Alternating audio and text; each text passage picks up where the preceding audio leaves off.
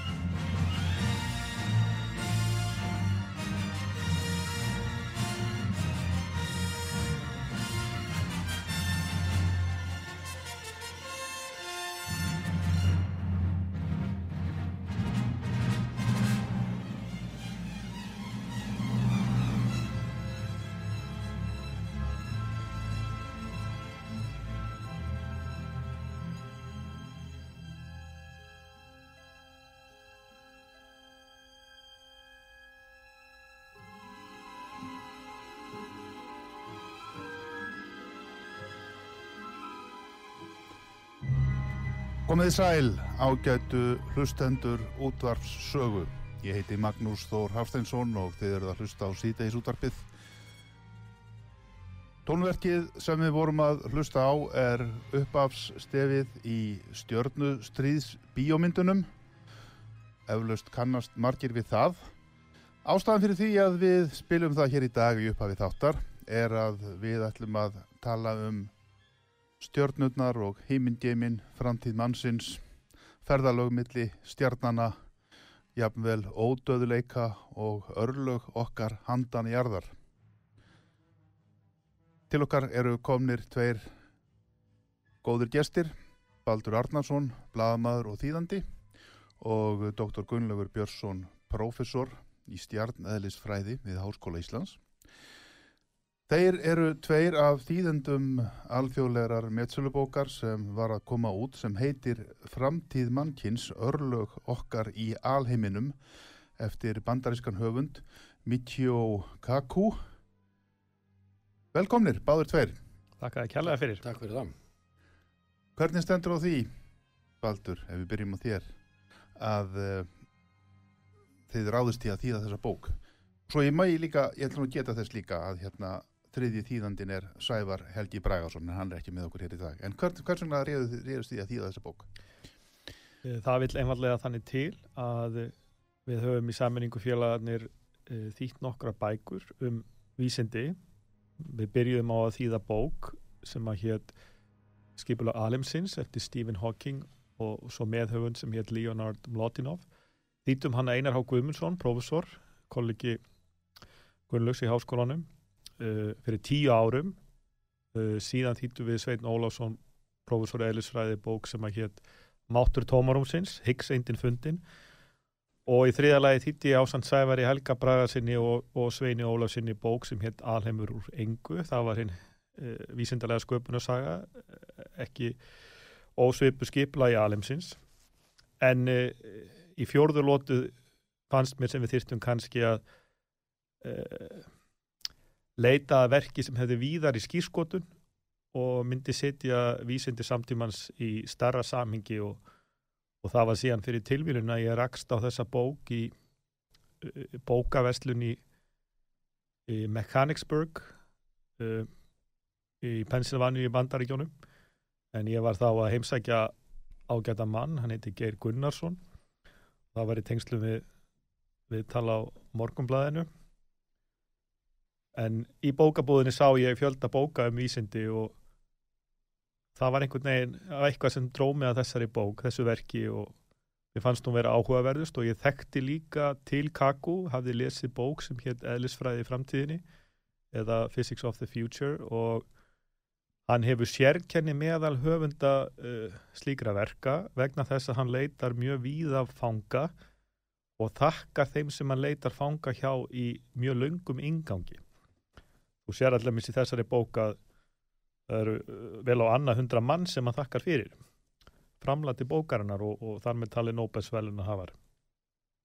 Þannig að þetta er langa svarið. Einmitt þar. Gunnlaugur, já, geimrannsóknir, hvernig, hvernig myndir þú lýsa stöðu geimrannsókna í dag? Það er orðið langt um liðið síðan við fórum til tungsins Já, og síðan hefur nú gengið á ýmsu. já, jú, það er, sko það er, við þurfum held ég samt að gera aðeins greinamun á, á tvennu, það er, það er genrannsóknir stundar frá jörðunniðri og svo hinnu að reyna að fara út í geimin og, og, og hérna, uh, sinna rannsóknum þaðan. Já, já, uh, tungl áætlunin á sínum tíma var náttúrulega sko stórkoslegt afreg og, og ég held að myndi nú sannlega engin sko nútíma maður treysta sér til að endur taka hana með þeim tækjakosti sem mann höfðu yfir að ráða þá. Nei, því að tölvubúnaðurinn á þeim tíma var náttúrulega mjög takmarkaður minnst að kosti með þessum að við eigum að venjast svona dagstælega hérna. að þetta er hægt og, og þetta kostar bara vinnu áraðinni og peninga. og fu- ó- ógrynna peningum að þetta er, þetta er rándýrt en, en ávinningurinn sko sem mann sjá líka í því að eða fjármunum í, í þessar uh, bæði rannsóknir og, og svona ferðalög er að, að það skilar alltaf einhverju til samfélagsins líka þó það verði ekki sama árið heldur kannski læra með nægilega mikið og, og þróa tækni, tæknilega hluti það langt að kemur tilbaka inn í daglega lífið sko. Uppskárum við ríkulega af þessu tunglverkefni? Já, við gerðum það. Við, við náttúrulega lærum um myndunar uh, sögu tunglsins og jarðarinnar við, uh, og, og náttúrulega uh, stað, staðsetningu okkar í, í sólkerfinu en uh, uh, tækni framfæriðnar urðu líka mjög miklar vegna þess að þarna var allt í hennu sko, ómældum fjármunum á þeim tíma og menn voru ekki að velta fyrir sér kostnaði að þetta var hluti af kaplöpi á milli stórvelda Já, og það leiti til þess að, að, að tækniframfærir urðu miklu hraðari heldur en þær hefðu sannlega orðið. Þær hefðu komið á endanum en þær, þetta gerðist miklu hraðar vegna þess að meðan þurfti að þróa til dæmis tölvutæknina. já, menn mættu þarna áskorunum sem þeir eru það. Já, sem þeir eru bara að Leysa ef þeir allir sér að fara. Já, sko, já, já. Og, og þetta var til þess að menn, menn tókst að smækka allar tölvur, þetta, þeir hafðu áður fyllt sko heilu salina í, í, Já, í já. húsum. Já, En núna þurft að pakka þeim saman þannig að það var hægt að koma þeim fyrir í geimfæri og þær tækja ekki ómikið pláss frá geimfærinu sjálfum og öllu öðru dóti. Þannig að það, það gerðist sko, eh, það er ýmislegt sem að, sem að kom okkur til góða senna mér sko, og þetta er eiginlega, eh, held, finnst mér vera, vera svona upphafið að þessari, þessari hérna, uh, þróun sem síðan hefur verið að reyna að smækka alla hluti og, og smækka alla tölfur og allt þetta dót sem við þekkjum nú til dags og, og hugsaum Já. ekki um en síman, símanir okkar eru eiginlega bara litlar handtölfur sem hættir að ringja já, og mörg tæki í raunum. Og mörg tæki í einu, já, í já, lófann sem já. hefði þótt óhugsandi fyrir ekkert mörgum ára Já, síðan. þannig að þetta, þetta skilar á endanum alltaf einhverju svo, þó, að, þó að hérna, það gerist ekki samdagus eða, eða samstundis. Nei. Uh, hvað er þá framundan núna í þessum málum? Við höfum séð að engaðilar hafa verið að fara, já, ansi hátt upp allavega. Þú þeir hafi kannski ekki alveg farið út í geim, en Já, það, það er náttúrulega hluti af, uh, af hérna, þessari þróun. Sko, svona æfintýri eru mjög dýr og, og, og, og ekki á færi nema, nema stór þjóða hinga til og, og en, en svo koma til sögunar uh, stór fyrirtæki sem, að hafa burði til þess að þróa þessa tækna áfram og það sem að þeir hafa gert er að þeir hafa sínt fram á að það er hægt að stundan gemferðir með því að endur nýta flaugar úr, úr eldri geimskotum. Þegar áður fyrir var þetta bara einnota, þetta er svo rakettur, maður skaut þessu upp og svo var það búið, sko. En núna ná menn að lenda að minnstu kosti hluta af burðarflögunum Mm. aftur og nýta sko í næstu og jáfnvel fleiri en eitt og fleiri en tvö skot. Og það náttúrulega dregur mjög úr kostnaðanum já, og, og gerir svona tíðari tíðari skot miklu, miklu árennilegri fjárhagslega heldur en það hafa verið. Sko. Er, er mikil samkeppni, þú nefndir áðan að það sem hefði kýrt það fram til einhverja áallununa eða tungláallun verkefnið hefði verið samkeppni milli stórvelda, já, þetta var hluta kalda stríðinu. kann hluta kaldastriðinu. Sovjetríkin og Bandaríkin. Já. Bandaríkin eittu 5,5% af heldar fjárlögum sínum í þetta. Ájengstari þessari Já, bók. ég, það, ég, það er sko, já, eru að það, ég, En, að er, er, já, en eru samt, nú sjáum við nýja aðila vera að koma inn á sviðið, ekki satt, Indverja og Kínverja og. Jú, jú. Er þessi samkeppni enn til staðar eða eru menn að vinna meira saman heldur en þeir gerðu? Það hefur líka, það, það, já, alþjóðlega eru menn farin að vinna miklu meira saman heldur en þeir gerðu á, á þessum tíma og það er náttúrulega hluta til vegna þess að, að, að þetta er of, of dýrt fyrir einstakar þjóður, nema kannski stórþjóður eins og kynveri og indverja Já. og hérna e, svo að um, Já. já. það er um, ég veit ekki alveg hvernig ég á, að- á, að- á að hérna kannski mætti skjóta inn í að fyrir nokkrum áratöfum þá áttu einmitt stórveldin í samstarfi uh, það var, þegar ég fer rétt með síðasta Apollo-geimferði 72 mm, og, og rústnesk eða sovjask sojus-geimfar það var tengt saman. Uh, Bandaríkin voru með geimstöð Skylab og mm, Sovjetmenn voru með mýr því friður. Uh, svo var Reagan að undirbúa eða bandarækjafósiti undirbúa geimstöð hvort hún átti að heita Freedom eða frelsi. En uh, þegar Clinton verið fósiti þá er tekin ákvörðun um að geimstöðin skuli heita alþjóðlega geimstöðin sem er þá einmitt viðleitnin til þess að og þjóður heims til að starfa saman og, og það var náttúrulega þannig andrúsloft í heiminum að að margir voru tilbúinir að, að ljá því lið að einmitt ríkin ættu einmitt að vinna saman. Já. og, og þar kom meðal hans Japan til sögunar uh, en ef við spólum síðan uh, fram til okkar tíma að, þá sjáum við að kínverjar eru að setja saman geimstöð. Og bandaríkjaman með því að bandaríkjastjórn og NASA með því að hafa stutt við þróun hjá Elon Musk og, og fyrirtæki hans SpaceX við að þróa endur nýtanlegar geimflögar uh, og nota síðan drega geimfar sem er þá eldflögin eða geimflögin skýtur á loft þá eru þeir að leysa af hólmi sójus geimförin sem að rússar hafa einmitt látið þeim í tje þar að segja bandaríkjamanum Uh, en gameskullinu var lagt 2011 og, og í tíu ár þá þurftu bandaríski geimfarar að taka far með rússum til að komast í alþjóðlegu geimstöðina. En það gerir svo í, í sumar að þeir gáttu farið með flög frá Elon Musk. Þannig að spurningin er uh, hver kremlalókiðan er í þessu að bandaríkjamenn séu að leysa af hólmi þörfina fyrir einmitt að ferðast með rússum út í geim Já. Uh, nú kann ég þá kremlalókið ekki nógu vel, ég veit ekki hvað Gunnlegu myndi segja. ég þekki hann ekki sko en, hérna sko þetta er náttúrulega hluta af þessari, þessari samvinnu sem að sko er, er vaksandi á meðal flestra þjóða að Japanir eru, eru líka áttakandur í þessu en yfirleitt e, vinna þjóðirnar meira og meira saman. Og ég get nefnt sem eitt, bara eitt dæmi að, að núna á aðfangadag verður skoti á loft nýjum geimsjónveika í, í á hátteginu og, og, og hérna hann er smíðaður og fjármagnaður á NASA að mestuleiti en, en Evróska gefistastofnunin hún sér um að koma hann á já, bandarækjumann er ekki með sínar eigin flaugar lengur til þess að skjóta upp svona hlutum. Á stærri gerðinu mistu kosti. Já. þannig að það er ESA Evróska hérna gef vísindastofnunin sem að sér um að koma að sjónugunum hún skaffar flögarnar. Já, hún skaff, og það er, þeirra, það er hluta þeirra Það framlagi fram- til, já, til já, verkefnisins að, að hérna Þessi sjónauki á að leysa af holmi höbbúl sjónaukan. Já, með tímanum. Hubble er ennþá í góðu standi og, og verður notaður þangað til að hann gefst upp. Hann, hann er hérna bara á brautum jörðu og, og hérna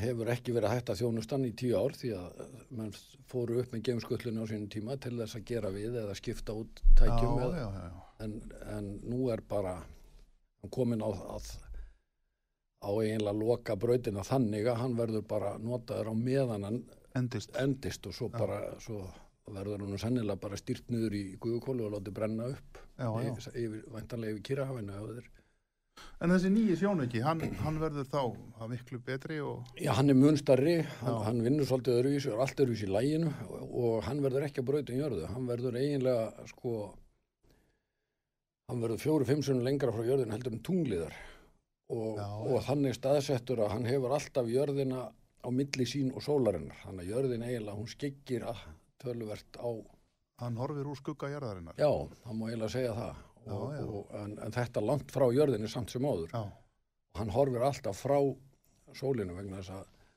hans, hann er smíðaður þannig að hann er mjög næmur fyrir sko hitta, innröðum gíslum já. og sólinu er náttúrulega ekkit annað en risavaksin opn Hverju, hverju mun þessi sjónauki skil okkur? Mun, mun, geta séð það miklu lengra heldur en við höfum nokkuð tíma gert. Já, mun, mun lengra, hann er sko, speillin í honum er tvisvar, þrisvarsunum stærri heldur en að þörmáli heldur en í höpulsjónuganum Já, hann er, er mu- mun öfluri og hann er stiltur þannig að, að hann nær að fanga ljós frá hlutum sem eru mun lengra í burtu heldur en höfbulsjórn reyði við.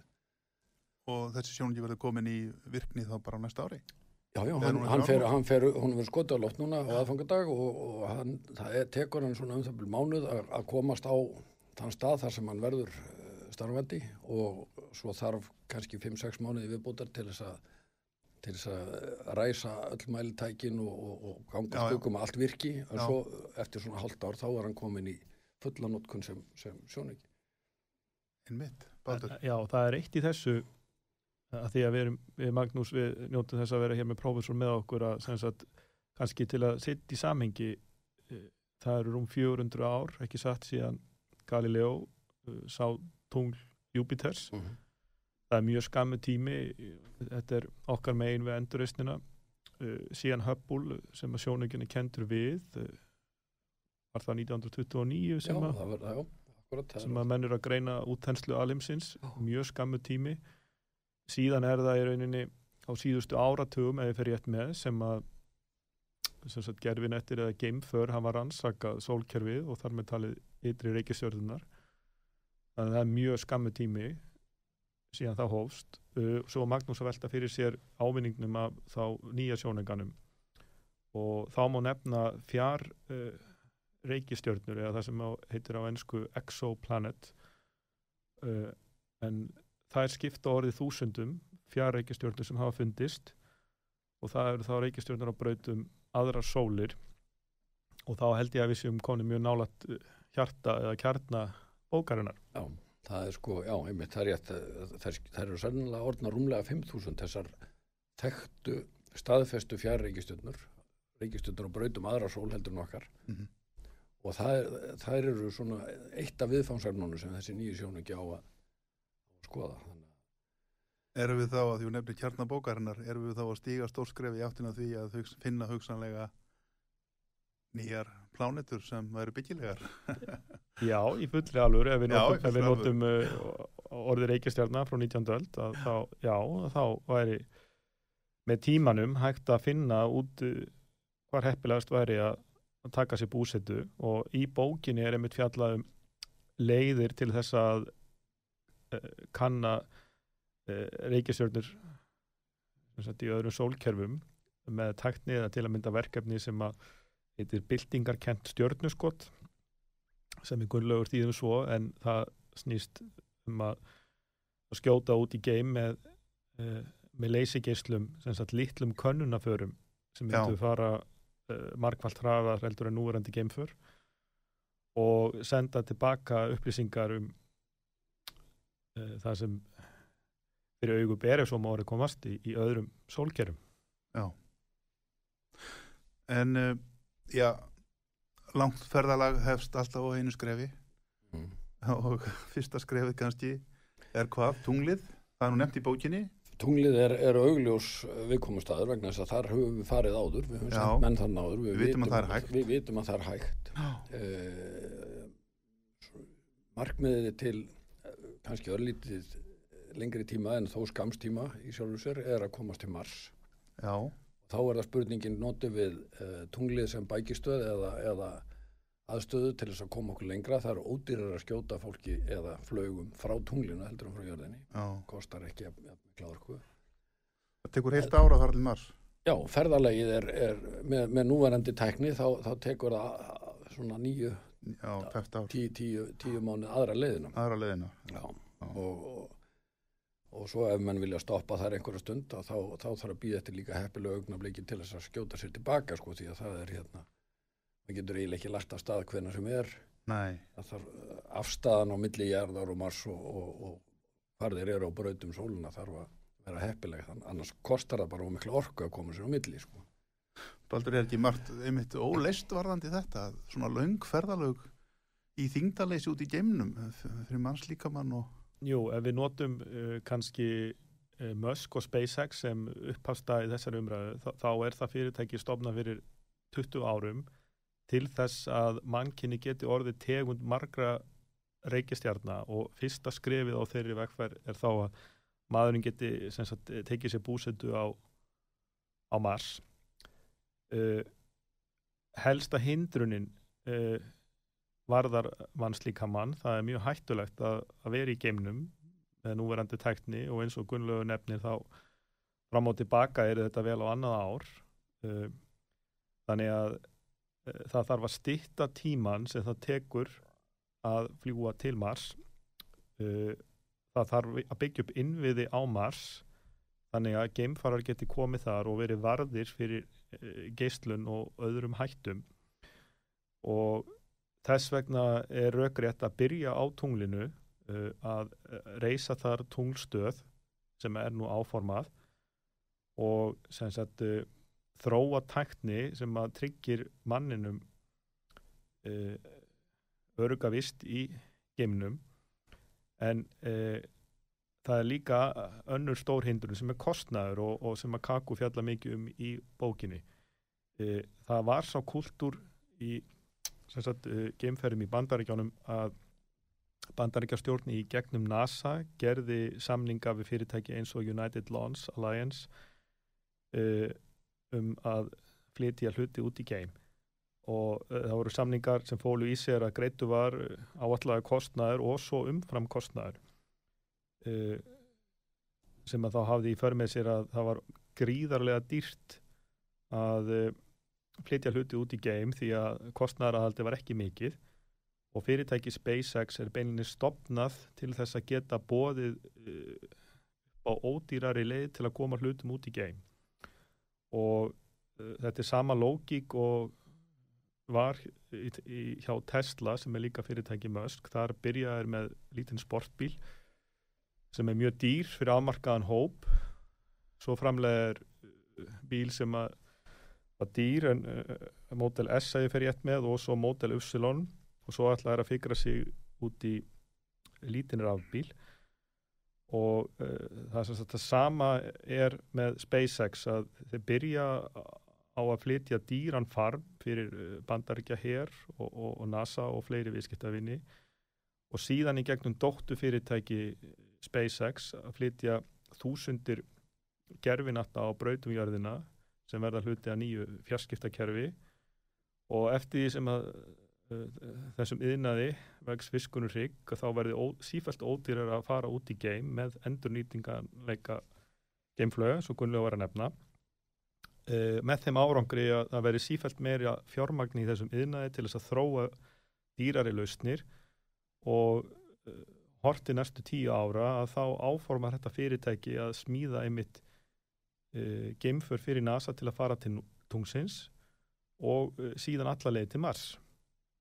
Þannig að það sem ég reyna að útskýra kannski löngum máli er að það þarf fyrst að verða til yðnaður, þannig að það verði virk samkettni uh, og þannig að kostnaður lækki en, en sem stendur er of dýrt að flytja ég veit ekki hvað kostar að flytja alltaf með seitt njeppa á Mars Nei, það er, það er, það kostar náttúrulega sitt en, en sko, bara til þess að setja það í samingi að þá, þá er sko tíu, hundra sinnum ódýrar að senda jeppling eða fjárstýrt mælitæki eða hvað sem er til Mars heldur en að skjóta þangað einni lifandi mannesku ef já. með að halda hennu lífi. Það er, það er dýrasti parturinn af svona leðangri, það er að útbúa geimför og, og umhverfi þannig að geimfararnir haldi lífi á meðan á ferðinni stendur. Já, það er það sem er sko stæsti kostnæðaliðurinn í, í, svona lungum geimferðum já við erum að tala um ár.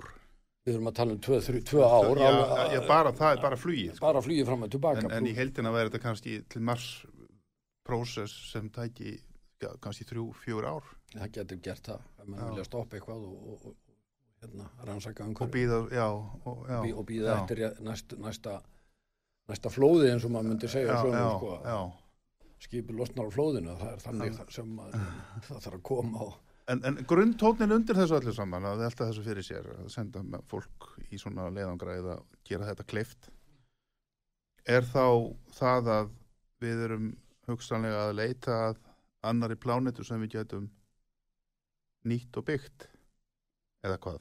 Já, það, eins og Kaku gerir, þá má Já. líka þessu við það þegar að sem sagt, við förum uh, hinn vestræni heimur Já, eða Evrópubúar fara í könnunarleiðangra. Kínverðarnir voru að vísu búinir að gera þetta áður en það henda ekki ráðamönnum í Kína að verða flótaveldi nei, nei, og eins og við vitum að þá hefur þetta í förum með sér að að hvíti maðurinn, hann leggur undir sig Norður Ameríku og, og síðan sé ávið til Östurs, Östur Indíafélagið og, og svona sem sagt uh, þennan yðnað uh, byggjast upp í, í tengslu við siglingar og, og milliríkja verslun og uh, eins og Kaku nefnir að þegar að, lengra aftur í tíma þegar menn voru að sigla yfir Kyrrahafið þá voru þeir einmitt að reyna að tryggja afkomu síns fólks til langs tíma litið mm með því að finna sér marga bústæði og voru það ekki pólinísjumenn sem að silda á mikli eigana á litlum flegjum og þannig dreifðu þeir áhættunni. Þeir fóru ekki allir í einu. En uh, það má þá yfirfæra þessa hugsun á það sem við erum að ræða hér að, sagt, uh, að mannkynni muni smám saman byggja upp innviði utan jarðar og öðrum heiminöttum, byrja á tunglinu, fara svo til Mars. Þannig að það fái þá þrifist annar staðar og þegar það er komið með fótfestu þá annar staðar geti þá byggt upp innviði til frekari landvinninga og það er einmitt þar sem að þjarkar eða sem að kalla vélmenni já, koma til sögunar hjá Kaku. En nú eru að koma á sjónasviði þjarkar uh, sem þöks í öflugum tölvubúnaði. Eru orðni færir um sífælt flóknari hluti. Og framtíðasýning hjá Kaku er einmitt að þjarkarnir verði sjálfaldandi eða geti fjölfaldað sér sjálfur og þannig muni sem sagt her þjarka geta byggt upp innviði fyrir mannkinnið þá er einmitt þessi hætta sem við erum að ræða hér um fyrir mannslíkamann, það, það er þá dreigið úr henni Já. með því að þjarkarnir þá vinna við hættulegar aðstæður. það er mitt Þetta hljóma svo litið eins og vísindarskaldsaga en Já, sko, en það, það er náttúrulega þetta að, að það eru, það eru mörg, mörgum sem finnst að, að framtíð mannkins á jörðinni, hún getur ekki verið nema svo og svo löng, sko, við, við, við þurfum meiri og meiri eh, res- resursa, eins og það heitir, öðlindir öðlindir, til þess að standa undir fólksfjöldanum og þessum lifnaðarháttum sem við Já. höfum vannið okkur á. Já. og uh, það kemur að því að, að það þrýtur væntanlega á, endanum, það er ekki víst að verða alveg á næstunni en, en sko ef maður hugsa þetta til nægilega langs tíma. Já, og þá er spurningin hva, hvað gerum við, bara deyjum við út í rólehitum eða, eða reynum við að flytja okkur yfir á næsta uh, Einmitt. næsta reykjastjörnu þar sem að búsettur skilirði gætu verið heppileg. Já, við erum núna komin að auglýsingalhegi. Hjá okkur eru þeir Baldur Arnarsson og Gunnlaugur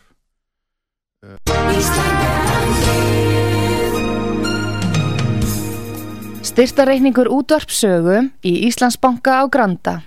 Útubú 513, höfubók 26, reikningur 2.11.11. Nánari upplýsingar á útvarpsaga.is. Takk fyrir stöðningin. um, Björnsson uh, við erum að ræða hér um framtíð í hvað ég á að segja, geimferðum eða framtíð mannkins möguleika sem við hefðum til að leita til annara stjarnar, hvað það varðar kanna híminn, geiminn og svo framvegis en við tökum núna stutt en komum aftur á eftir Síðdeis útvarpið á útvarpi sögu. Þáttastjórnandi Magnús Þór Hafsteinsson.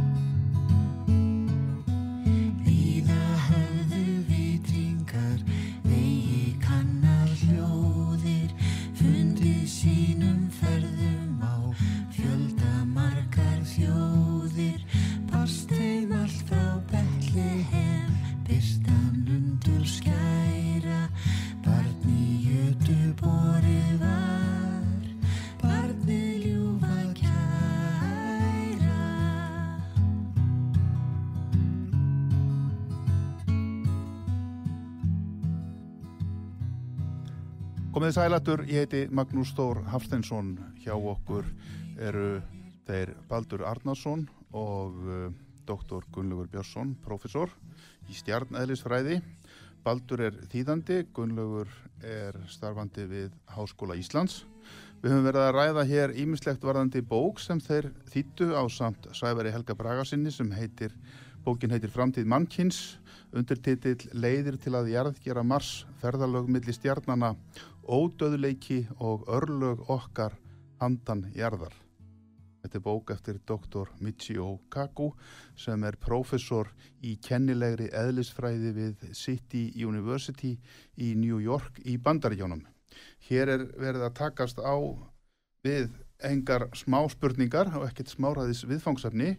Sumum kann að þykja þetta framandi en, en hérna þá dettum í huga benda á það að ef við færum nú í tímavél til 18. eða 19. aldar og færum þar að segja fólki frá því í hvaða heimi við lifum í dag með þeim miklu tækni nýjungum sem á orðið síðan þá færum að tala um bifræðar, flugvélar farsíma, internet nú eða útvarp eins og við erum í núna að þá myndi fólk sem var upp á þeim tíma horfa á okkur eins og við varum vitfyringar það sem við erum að tala um hér í þessum þætti það gæti hæglega verið orða veruleika innan ekki svo langs tíma.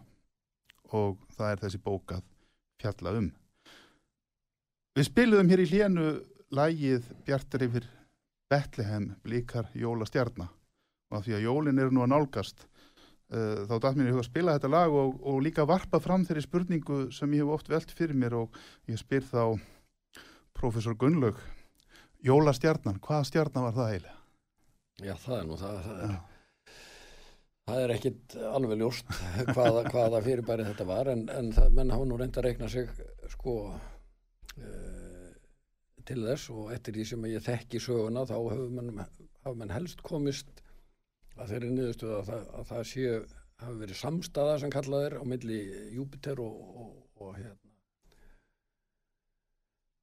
já, Venusar væntanlega, tvær bjartarstjörnum mjög nálægt hver annari á, á himri, himni, Já, tvær reikistjörnur og þær geta verið mjög bjartar. Eðar, það er sko, man, það er nokkurum árum fyrir uh, Krispurð eins og við, Já, uh, hérna við menn hafa þessum tíma séð svona bjarta stjórn já, já, eða, eða tvær mjög nála eða tvær mjög nálægt sem hafa kannski vist vera námast einn já, já, og það er svona líklegasta skýringin held ég það er Alltaf fótur hugsanlegt, það hafi verið, verið hérna, eh, mjög skæðir halast hérna þessu tíma en, en ég- finnst hinn skýringin líklegri að þetta hafi verið tvær bjartar rey, reykistjörnur Já. nærri hvorannari Já. sem að menn hafa upplifað sem eina, Já. eina mjög bjarta en þetta er, þetta er, þetta er ekki árið 0 eða 1 eða hvenar það var heldur nokkrum árum fyrir einhver tíman á þessum tíma Já, og já. er einhver fótur fyrir þessu þetta hafi verið svona. já, það er ekki, ekki útlöka það er oft svona í gamlum sögnum. En um, víkjum þá aftur að því sem við vorum að tala um hér fyrir hlje uh, mikill kostnaður, þetta kostar mikið mikla rannsóknir og mikinn búnað og það er að leggja mikið í þetta uh, við rættum aðeins að þetta væri þá ástæðan fyrir því að leita annara stjarnar væri að huga að framtíð mannkins framtíðar stöðum til nýtingar á öðlindum og jafnvel búsetu en uh, er ekki næra að verja þessum fjármunum í að bæta frekar uh, lífsskilirði á okkar einstöku indislegu plánetu í örðinni, Baldur? Jú, þá myndi ég nú segja að í hefðbundna svar þeirra sem mæla með geimferðum væri að, vísa í þá niðurstöðu NASA að það hafi á þriðja þúsund uppgötanir eða engaleifi komið út úr geimferða áallunni sem að Kennedy fósetti ítt úr vör fyrir 50 árum. Og uh, þar nægir að nefna sagt eins og, og Gunnlegu nefndi að, að tölfur voru uh, smækkaðar og tökum bara það. Já, uh, það ólaf sér Kísildalinn og við þekkjum þá sögu að enga tölvuna uh, örflögur og allt þetta. já, Microsoft og Apple og síðan uh, uh, nethagkerfið sem að riður sér til rúms á tíunda áratugnum. Og svo á fyrstu 20 árum þessar aldar þá sjáum við sem sagt uh, félagsmiðla nýjar leiðir til að, að miðla efni, upplýsingum og afþreyingu uh, og allt er þetta uh, tilkomið vegna þess að það, það tókst að, að ná þessum undraverðu framförum í tölvutekni síðan er það annað að þú varst að nefna sem sagt uh, svona að þetta væri að meði vísindaskálskapar uh, lítið dæmi að í bókinni er fjallað um skáldsögu eftir Júls Verne sem að, uh, heitir Frá jörðinni til tunglsins. Mm -hmm.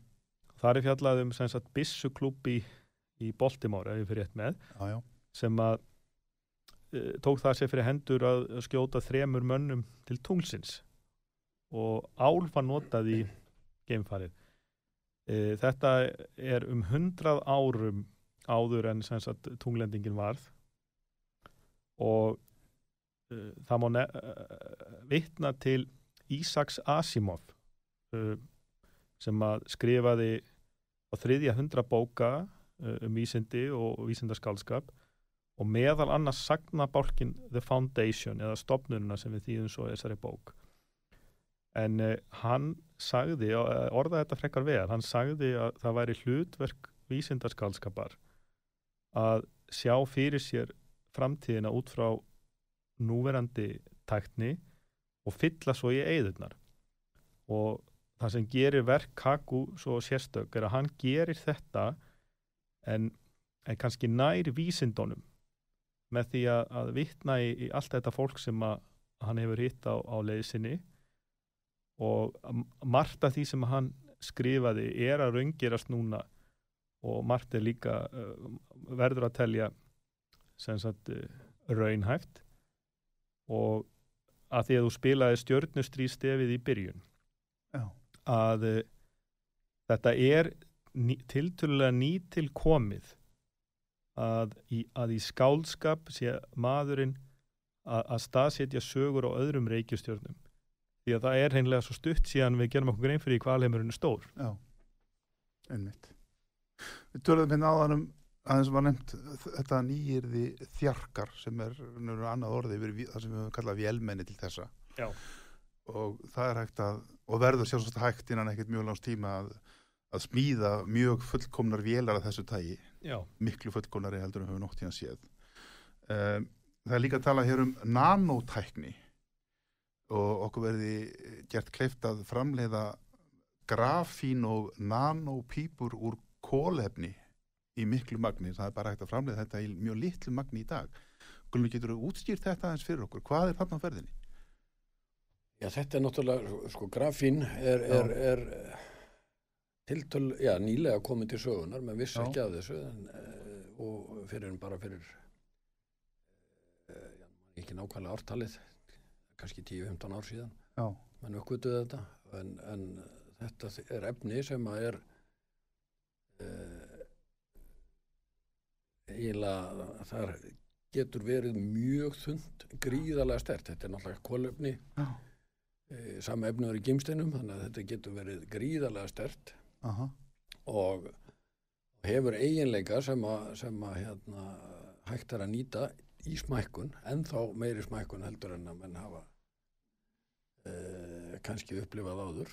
En, en ég er nú ekki sérfræðingur í, í svona e, efni en þetta, þetta er partur af, af þessari hugsun að reyna að Þarna væri þetta búa til mjög léttan búnað. Já, Já, Já, og, Baldur. og það má tengja þetta einmitt við áformum tungstöð já, að eins og Kaku nefnir eh, ef það kemur bráðatilfelli upp í tungstöð að eh, þá er mjög æskilegt að það sé búið að þróa nýjar leiðir til þess að gera aðgerðir á mönnum. Við sjáum nú þegar að, að sagt, skurðlæknar eru að nota þjarka eh, e- eða já, að nota orðið þjarka til þess að, að gera aðgerðir á fólki og það er eh, fyrir nokkurnum vikum þá var sagt frá því í Lundunablaðinu Telegraph að e, það er búið að þróa sem sagt, það sem er kallað þjarkar e, til þess að, að reynsa æðakerfið þannig að þurfu Já. ekki lengur að, að sagt, vera með svona mikið inngrip í mannslíkamann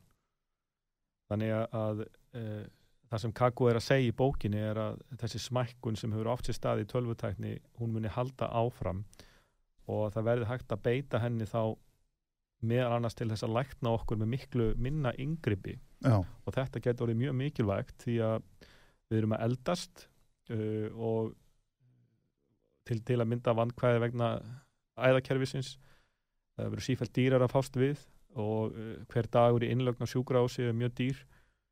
Þannig að uh, þeir sem að mæla með geimferðum myndu segja að, ef við getum byggt upp tungstöð uh, nýtt vatnið sem að er í ís á tunglinu uh, og endur nýtta uh, ef við getum framleitt orku uh, þá mögulega með tækni sem er þá artaki kjarnorkunar getum framkvæmt þessar aðgerðir með svona litlu yngripi að þá verði hægt að sagt, nýta þá tækni hér á jörðu niðri og, og fást við þær áskorunni sem eru augljóslega fyrirsjánlegar við höfum aldrei áður verið ha- haft svona gríðalegt mannhaf og aldrei verið með svona fjölmenna miðstjætt í heiminum sem að uh, mun kalla eftir uh, lausnum sem að skarast við þetta. já um, Ef ég skil rétt eftir að hafa lesið bókina þá voru jafnvel hugmyndur um að það sé hægt að smíða eins konar örlítil gemför með þessari nanotækni eða hvað og senda með leysigeslum út í heim út í- Skjóta þeim með með leysigeslum út í, út í hérna, heimingemin já, og skjóta þeim, koma þeim á miklu meiri hraða heldur en hefðbundin gemfur ná. Já, og þar með stýtta ferðatíma með, með, já. Þetta er þá að sjálfsögðu ómannað en, Já, með, með mjög háþróuðum búnað, tæknibúnað sem að segja örflögum eða hvað á að kalla það já, já, allt, sem allt þá numið, allt smakkað eins og hægt er. Já, og það, eftir því sem það minna þeim mun, þeim mun og þetta, er, þetta væri hægt eða þetta væri, já, já, Já. þetta verður það tekur sjálfsagt einhver tíma að, að þróa þetta og, en, en, en öll, öll, öll svona þróun hún, hún já, þetta verður á endanum en, og, og sko, ef maður hugsa bara um, um hérna það, ég, það er 20 ár, 25 ár kannski síðan að þetta varð svona almenningseign já, já.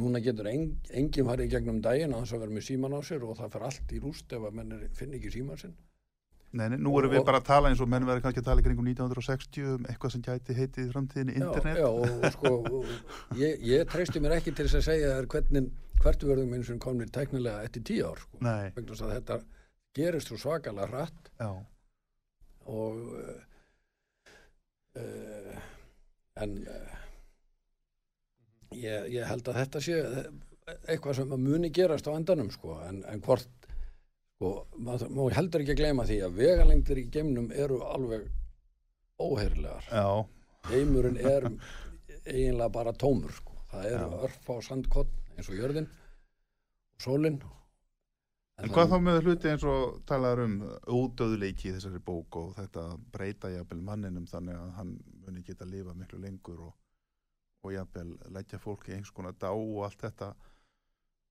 uh, Þetta er svona svolítið eins og við sjáum í bíómyndum. Eh, Já, það má nefna Arthur C. Clarke og, og Guðmyndirna 2001 eftir Já, Kubrick, það sem þeir fara til Júpiter og þá er þeir sent, settir í síndar lífleysi e, geimfararnir. En ódöðleikin er, er reyndar uh, sem sagt ég má segja þe- þetta er ekki jaðar hugmynd uh, það, er, sagt, það er ekki jaðar hugmynd að kosta miklu fyrir til þess að þróa leiðir til þess að framlengja uh, mannslífið jafnvel verulega um einhver áratugji uh, það, það eru einir og þessir sem að eru að leggja slíkur rannsóknum til mikið fjö en uh, ástæða þess að Kaku fjallar um mynd í samingi þessara bókar er að uh, geimurinn er eins og gunnlega nefnir gríðarlega stór og geimferði mun uh, verða mjög tímafrekar. Þannig að hann er að velta því upp að uh, nú ef það tekst að framlengja líf okkar að sem sagt hvaða áhrif það hefði þá upplifun okkar af tímanum og, og þá tímanum sem hann tekur að ferðast um geiminn. Og síðan uh, er hann með uh, nýja hugmynd sem ég veit ekki til þess að það verið fjallað um á íslensku áður en það er hugtakið stafræn ódöðleiki já, og þetta er svona dæmið það að sagt, það er eitthvað í samtímanum, eitthvað í tíðarandanum sem að verður svona höfundum að yrkisefni og þeir varpa á framtíðina. eh, nú er sem sagt eh, ekkert langt síðan þykist ég vita orðið stafræn kom inn í uh, íslenska tungu. Eh, og uh, sagt hugmyndin um stafrænan ódöðleika er að það sé hægt að skapa uh, svo nákvæma eftirmynd af okkur manninum að uh, það verði hægt að stöðla því að hún geti lifað óendanlega þá mögulega í öðrum líkama ef svo mórið komast. Og hér erum við komin inn á vísindaskálskapin sem er mjög skemmtilegt að ræða og hugmyndur um tengi mengi eins og Gunnlaugur eh, þýðir í bókinni. En það er mjög stutt síðan að manninum tókst að kortleggja tengi mengi ávaxtaflugu ég held að séu nokkru mánuðir. Og sagt, hugmyndin hjá Kaku er að það verði þá að kortleggja tengi mengi okkar eða okkar heilabú út í slíkan hörgul að það verði hægt að, að gera eh, svo nákvæma eftirmynd á okkur að, að það verði ekki greimt milli frummyndar og eftirmyndar og hér eru við komin út í heimsbyggi þannig að ef eftirmyndin getur lifa óendalega þá, þá geti frummyndin á sinn hátt gert það líka. Þannig að stuttum árið sagt, ef ég svona pakka þess inn, að þá væri hægt að afrita mannestjöð, sem má segja, pakka henni saman, senda henni tölvupósti til Saturnusar, eða hver sem er, já, og opna hann þar og búa hann til, já, já, má kannski segja það prenta hann út, í þrýðaða prentir það. Já, já, þetta er, ef við notum sko hugtök sem við skiljum í nútímanum Já, að já, það, þá já, við erum, ekki- ekki, þá er við þetta erum ekki- einhvern veginn að reyna að glíma Já, við já, það, að, já, að átt okkur á möguleikum framtíðinar með því að skýrskota til nútímans Já. og svo lítið að- aðeins inn í fortíðina, hvernig við í nútímanum ef við segðum frá því hvernig við lifum í dag við einhverja á fortíðinni, að þá myndu þeir ekki trú okkur, en hér eru nú stödd í dag og við þrýr erum hér í þessu hljóðveri að ræða þessa hluti, við erum þó komin þetta langt, þetta- og það er líka að því út að nefna sko, nána framtíð og sé erfitt um hana smá. E, vitum það núna að því við erum að tala um þjarka að þeir eru að riðja sér til rúms í inngreinum í bandaríkjónum það er byrjað, byrjað að nota þjarka til þess að hafa eftirlit með orku innviðum og til að vinna hættuleg störf Mm og það má sjá fyrir sér fram til ásins 2030 og þá munið þjarkar verða notaðir í slökkviliðinu hér á höfuborgarsvæðinu að slökkvilismenn muni ekki fara inn í eldtap og ekki sinna reikhöfun heldur muni þjarkar sinna þessum störfum og, og þá geta uh, bjargað mannslífum. Nú líka sjá uh, væntanlega að þjarkar verða notaðir við eftirlit hjá lögreglunni. -hmm. það mun auðvitað kalla á löggjafan og lagabreitingar við höfum nú þegar tækni e, sem að felst í því að þú ert með þjarka heima hjá þér ef þú vilt, sem að eh, hefur eftirlit með heimilinu og ef það brotist inn á heimilið þá getur hann flóið af stað og myndað viðkomandi og, og mögulega greint farsímamerkin. Mhm. En þarna erum við komin inn á svið, sem sagt, viljum við hafa svona mikið eftirlit með líf okkar? Er það þess virði að allt sé tekið upp, þannig að það sé hægt að komið þá veg fyrir þjófna til að mynda? Uh, munu sumarhúseigendur á Íslandi eftir nokkur ár vilja hafa svona þjarka uh, á sumarhúsasvæðinu þannig að það þannig að það verið brotist inn að þá verið það tekið upp og tilkynnt samstundis eða mun fólk vilja fara í hinn áttina. Að, að, að fyrir svona öld þegar að, að miðlæg gagnasöfnum var að hefjast og uh, tækni til að geima meira á gögnum en áður hafði sérst var, var að koma fram þá höfðu höfundar eins og högslei einmitt uh, miklar áhugjur af því að það er því hér eftirlit samfélag og frelsi okkar er því skert síðan fannst okkur kannski sem að þetta væri að ganga tilbaka þegar engatólvan og interneti koma en svo fyrir við einmitt í hinn áttina aftur með Cambridge Analytica og, og, og Facebook og, og, og algrími og þessu möguleika Já. til að fylgjast með öllu sem við gerum Já. þannig að ég er að rifja þetta upp að því að, að framtíðasýnin hún getur sveiflast frá því að vera jákvæð yfir að vera neikvæð en í samingi bókarina myndi ég segja að hann væri mjög jákvæður því að hann telur að, að mannkinu séur en allir, allir vegi færir Já.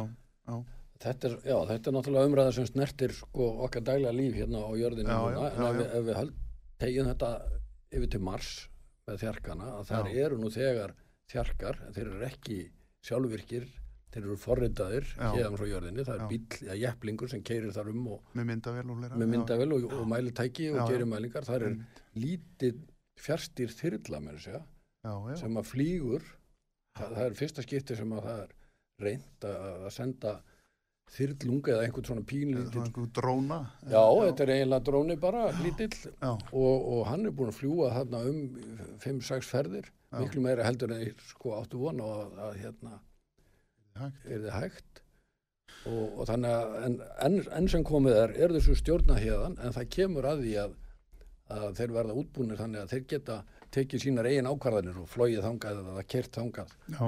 gert það sem að Mér langar til að spyrja það einu áður en tím okkar rennur út. Einmitt þetta með að vera að fara út í game og senda hljóðmerki út í game og reyna að hlusta eftir lífi á fjarlægum stjörnum og allt þetta. Um, gæti þetta ekki reynst stór hættulegt? Gætu ekki komið hingað einhverjar framandi verur sem hefðu kannski ekkit sérlega gott í hyggjun nema kannski að ræna frá okkur þessari plánundu sem við eigum og það færi fyrir okkur eins og Indiánum í Norður Ameríku á sínum tíma. Það er að segja mannkynni. sko, ef ég myndi svarið svona bókmentafræðilega Já. og sálfræðilega, þá hafa sálfræðingar sagt að að áhugin á uh, geimverum sé í dulvitund okkar uh, óttin við innflytjendur og þið óþekta Já.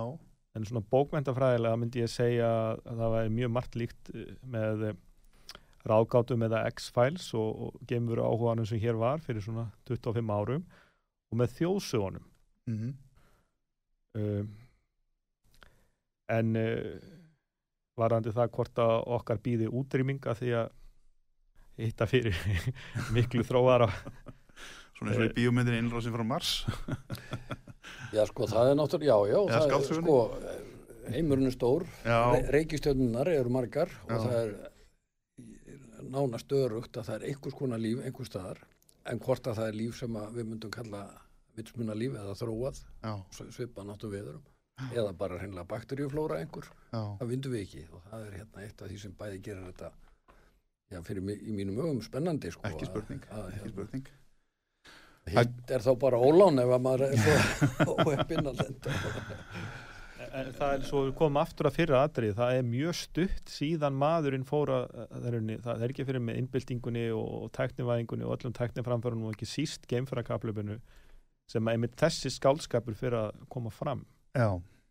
og um stríð við eh, fólk á öðru nöttum og svo framvegis og, og það er náttúrulega mjög gott dæmi sem þeir að nefna með Marsbúana uh, og það er aðtúanir sem að uh, Shia Pelli stjórnufræðingurinn taldi renna stóða myndir að veri skurðir á Mars því að uh, það eru 90 ár held ég síðan að það var gerð kvikmynd um Venus það Já. sem að Hollywoodmynd, það sem að geimfararnir hitta fyrir fagurt fljóð sem er þá vantarlega Venus en þá heldur menn að aðstæður hér í okkar næsta nágranni væru mjög lífanlegar en síðan kom í ljósa Venus var, var það alls ekki Nei, nei, það er, það er 600-700 gráði hitti á yfirborðinu og ekki alls ekki gott að lenda þar. Nei.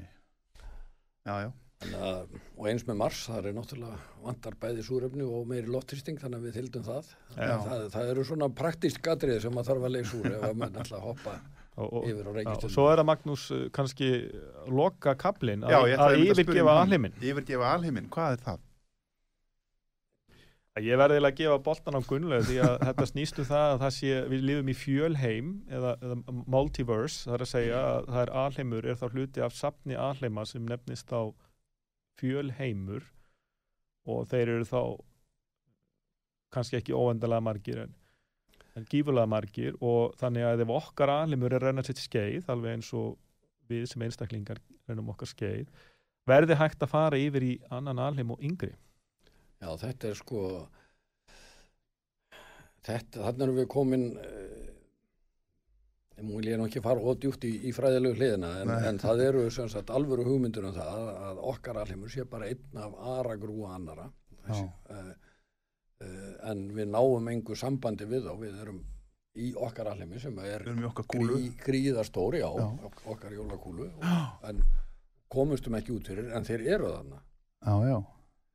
en uh, það sem hann er að velta fyrir sér Ankaku er sko er einhvern tíman í fjarlægri framtíð verður kannski sá möguleiki raunhafur að við getum yfirgefið þennan þegar aðstæður hér er orðna þannig að það er ekki lífanlegt fyrir okkur eða neitt annan.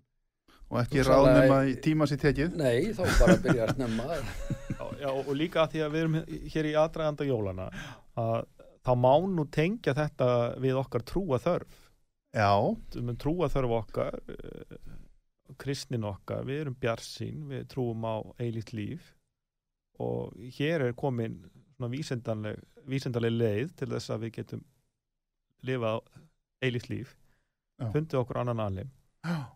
Og lífið haldi alltaf áfram Það er nefnilega það. Það er ímislegt sem hægt er að velta vöngum yfir nú um hátíðarnar og það er örgulega ekki vitlis hugmynd að lesa þessa ágætu bók Michio Kaku, framtíð mannkins, örlög okkar í alheiminum leiðir til að jargjara mars ferðalög melli stjarnana, ódöðlegi og örlög okkar handan jarðar. Ég las þessa bók og, og mér þótt hún mjög áhugaverð og maður svona, já, já, það er sömt skildi ég nú reyndar ekki alveg. Ég viðkynna það fúslega. En, en svona ég náði megninu held ég alveg örglega og hérna og, og, og ég, þessi bók ég, ég hef svona verið, að hugsa til hennar síðan ég las hana. Það er nokkra vikur síðan ég las hana. Þannig að hún satt í mér.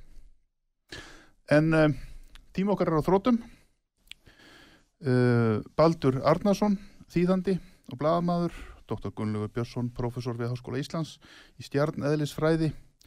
Ég óska ykkur til hamingjum með þessa bók og þakka ykkur bara kjærlega fyrir kominu og áhugaverð spjall. Ég heiti Magnús Þór Hafsteinsson og við þökkum Davíð Tæknumanni fyrir aðstóðina. Hann er áhuga maður um þessi fræði og hefur sjálfsagt hlustað, lagt eirun vel við. Verðið sæl.